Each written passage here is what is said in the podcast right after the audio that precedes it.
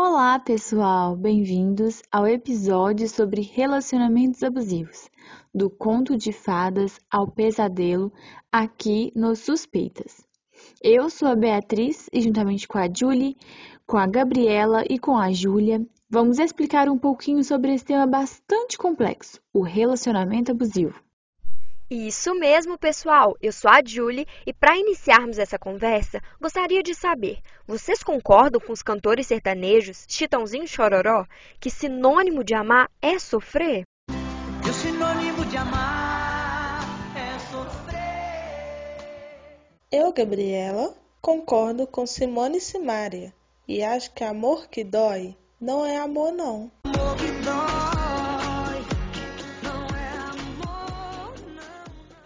Eu, Júlia, também concordo com a Simone e Simária, hein? Mas e você? O que acha sobre dor e amor? Você sabe diferenciar um relacionamento saudável de um abusivo? Vem com a gente que vamos trabalhar nisso. Segundo a autora Barreto, o relacionamento abusivo é aquele em que há excesso de poder, sentimento de posse e controle do outro. Sendo alguns sinais de alerta os ciúmes excessivos sem motivo, controle das roupas, dos círculos de amizade e das escolhas da vítima por parte do agressor. A ocorrência de traições também é muito comum. Exatamente. E ao contrário do que a maioria pensa, o abuso não é só quando há violência física, mas também quando seu parceiro ou parceira faz ameaças, humilha você, te discrimina, te chantageia, te cobra comportamentos desnecessários, faz você se sentir inferior, te explora, critica o seu desempenho sexual ou até mesmo quando proíbe você de sair de casa. Tudo isso é violência e abuso psicológico. Além disso, o abuso também pode ser sexual, que é quando você é persuadido, induzido ou forçado pelo seu parceiro ou parceira a realizar qualquer ato sexual sem vontade, como por exemplo ter relações sexuais sem proteção. Existindo também o abuso econômico, que é quando o abusador evita com que você possua ou mantenha qualquer tipo de autonomia financeira, te forçando a uma dependência material dele.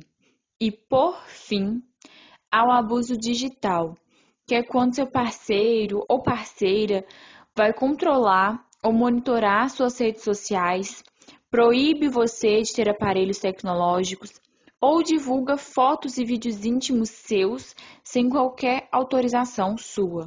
Se você se sente humilhado ou impedido de ter contato com outras pessoas, não é por amor, é abuso. Se existem machucados físicos ou verbais, não é amor, é abuso. Se há críticas por qualquer coisa, não é pelo seu bem, é abuso.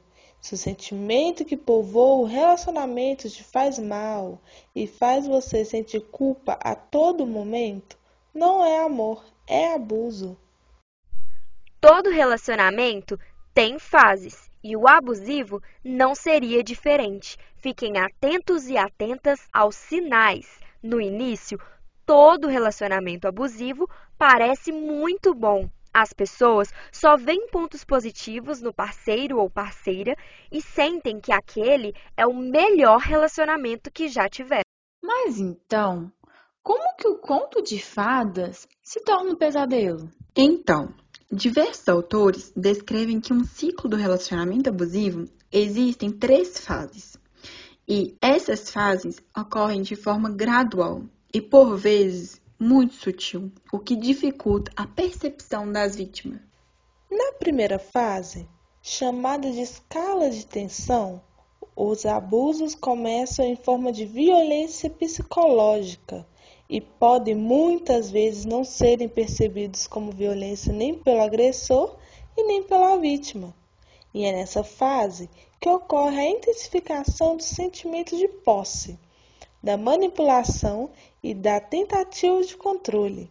O agressor Demonstre irritação com assuntos irrelevantes, ciúmes excessivos, com episódios de raiva, gritos, xingamentos e ameaças constantes, atacando a autoestima da vítima. E nessa fase, pessoal, é muito comum que o agressor tente isolar a vítima, afastando ela dos amigos e da família. Sempre com o discurso de que ele quer o melhor para ela e que quer protegê-la, se colocando como o único que a valoriza como ela merece. Outra coisa muito característica da fase escala de tensão é o agressor tentar diminuir a vítima sempre, atacando diretamente a autoestima em todos os aspectos.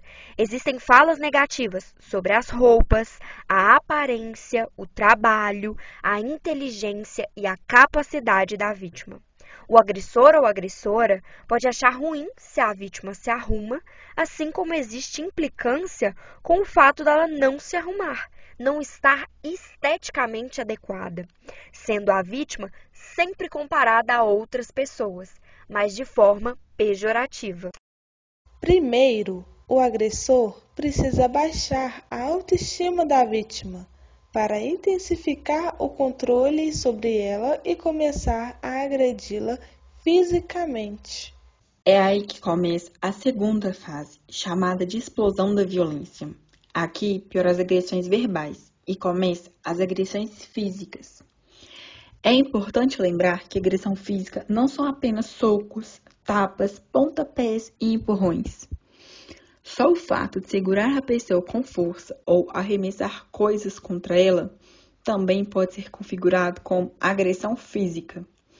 Geralmente é aqui, na fase de explosão da violência, que as pessoas se enxergam em um relacionamento abusivo e começam a pensar em deixar o parceiro ou a parceira.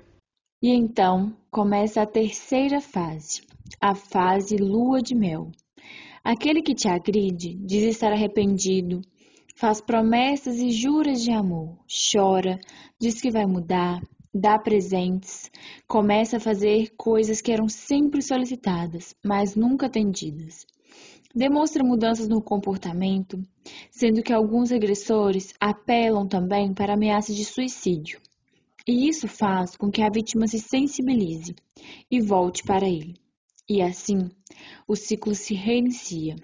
Passa um tempo, as violências psicológicas voltam, as agressões físicas voltam. Também é importante destacar que as três fases não acontecem iguais em todos os relacionamentos abusivos. Afinal, cada relacionamento é único. As pessoas envolvidas são únicas. Mas é preciso se atentar aos sinais, pois um relacionamento abusivo pode comprometer não só sua vida social, mas a sua saúde também. Então, por que as pessoas se mantêm nesses relacionamentos abusivos? Essa é uma excelente pergunta, mas também muito complexa, porque envolve diversos fatores. Primeiro, por ser uma relação vista como uma relação de amor, depende muito de como a vítima vê o amor, quais foram as referências dela sobre como deve ser um amor saudável. Então, a vítima pode não perceber que ela está sofrendo violência ou ela sabe, mas ela se sente culpada e até merecedora da violência. Tem também o fato de que ela ama o agressor e ela acredita que ele vai mudar. Ela quer insistir na família que foi estabelecida. Há também o fato do, de ter medo da reação com o término. Né? Podem haver ameaças de suicídio, ameaças de matar a vítima. Então, tudo isso leva a um aprisionamento psicológico. Se você se identifica com o que foi abordado nesse podcast, procure ajuda psicológica imediatamente. Busque um grupo de pessoas de confiança com quem você possa conversar sobre as coisas que acontecem no seu relacionamento e pedir ajuda. Identifique os sinais e tenha coragem para sair desse relacionamento tóxico. Todas as vítimas podem denunciar a violência sofrida em delegacias próximas. Busque por ajuda. Mulheres podem ligar de forma gratuita para 180, Central de Atendimento à Mulher, para denúncia de violência. Agradecemos pela sua atenção e esperamos ter ajudado você a compreender melhor esse tema tão complexo. Um abraço e até a próxima!